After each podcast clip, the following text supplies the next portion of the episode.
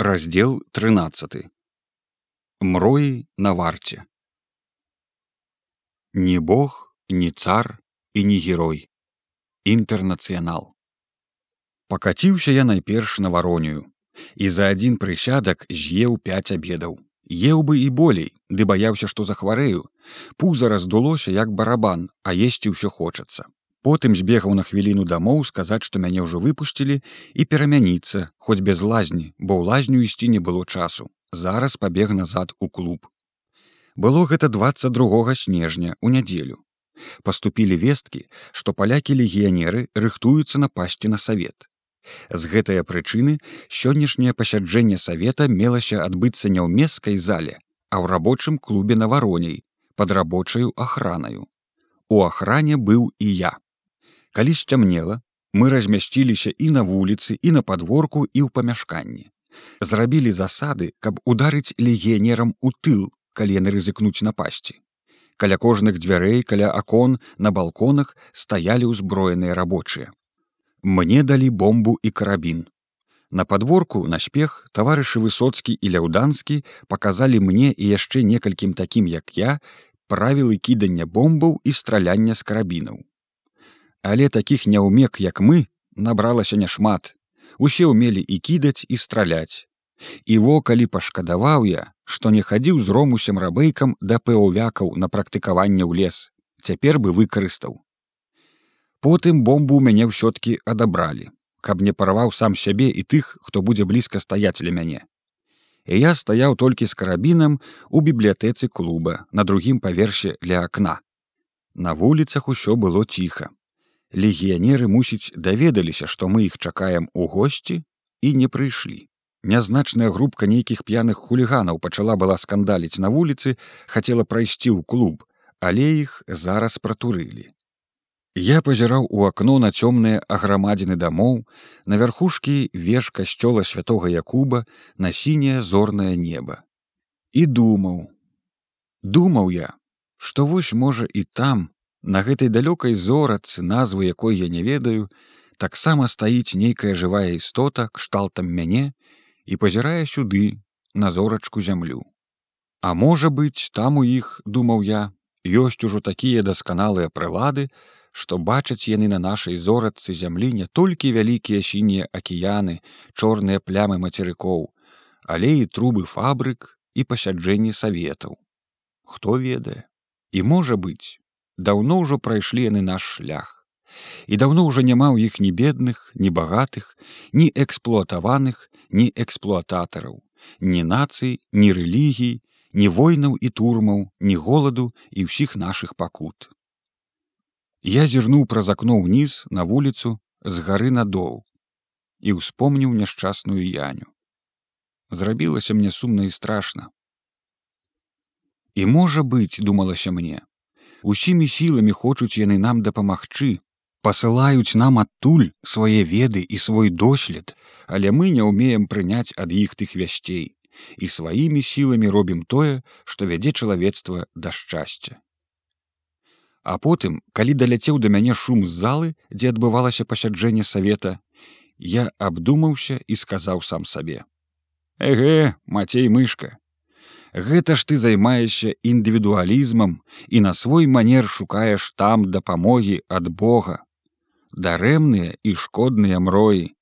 Не залятай на неба, трымайся за зямлю, дапамога наша у нас саміх. І я нават усміхнуўся. З гэтымі сваімі мроямі яшчэ каго-небудзь і правароніш на вуліцы, цьфу-цьфу-цьфу, прачніся.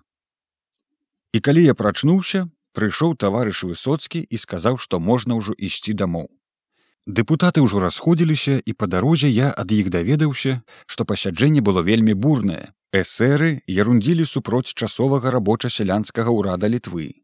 Заяўлялі што не прызнаюць яго. А сацыял-дэмакраты інтэрнацыяналісты уносілі свае папраўкі. І гэтак далей і гэтак яшчэ далей. Старая песня. Адно мяне ўзрадавала Па прапанове камфракцыі савет прыняў пастанову абвясціць другую забастоўку, калі немцы заўтра да дзясятай гадзіны вечара не выпусцяць усіх палітычных зняволеных а ў першую чаргу арыштаваных чыгуначнікаў з-паміж якіх шмат членаў савета. Немцы адмовіліся выпусціць арыштаваных палітычных. І 23 снежня а 10 гадзіне ўвечары ў горадзе пачалася забастоўка першыя пакінулі работу чыгуначнікі. Аб гэтым я даведаўся калі быў яшчэ на вароней а калі я ішоў адтуль дамоў прыблізна а палове 11 раптам па ўсіх вуліцах пагасла электрычнасць. Адразу зрабілася ўсюды цёмна і глуха. У чорнай цямноце патонулі дамы. Рэдкі прахожы падазрона пазіраючы па баках спяшаўся сваёю дарогаю з тратуару пераходзіў на сяродак вуліцы і скрыпаў там снегам як у вёсцы значыцца забаставала і электрычная станцыя на другі дзень 24 снежня была каталіцкая куця але ўсё жыццё ў горадзе з самай раніцы замёрла крамы магазины рэстарацыі былі зачынены цягнікі не хадзілі паравозы на вакзале не гудзелі. Увечары зазванілі ў касцёлах, але на вуліцах цёмна і пустынна. Ешце панове куццю пры лямпах і яшчэ не ў сваёй вільні. Бо перад тым у вільні насіліся ў партыя чуткі, што палякі выступяць яшчэ да адыходу немцаў. Польскія патрыёты называлі тэрмін за дзень за два перад ражством, каб узрадавацца к вялікаму святу Божага нараджэння і разгавецца ў сваёй вільні. Аднак жа гэтым разам яны не выступілі. Магчыма, што яшчэ не падрыхтаваліся, а можа быць і з прычыны таго, што ў горадзе гэтыя дні была забастоўка.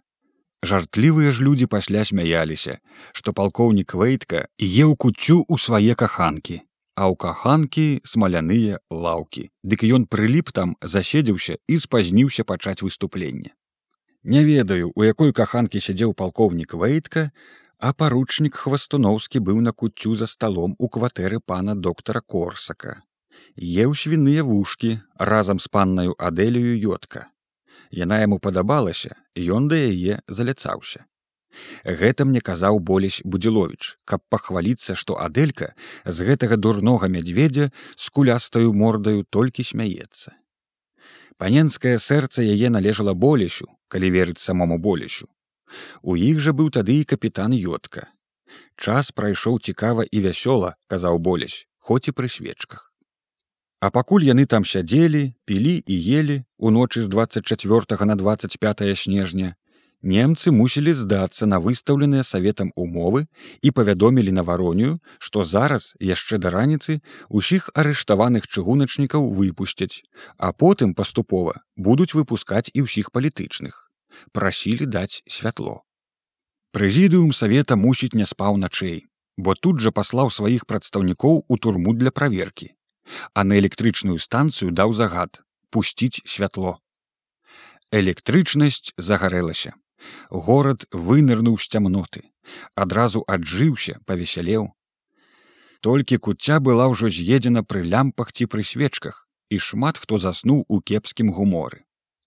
Тым часам немцам нельга было верыць ні на грош.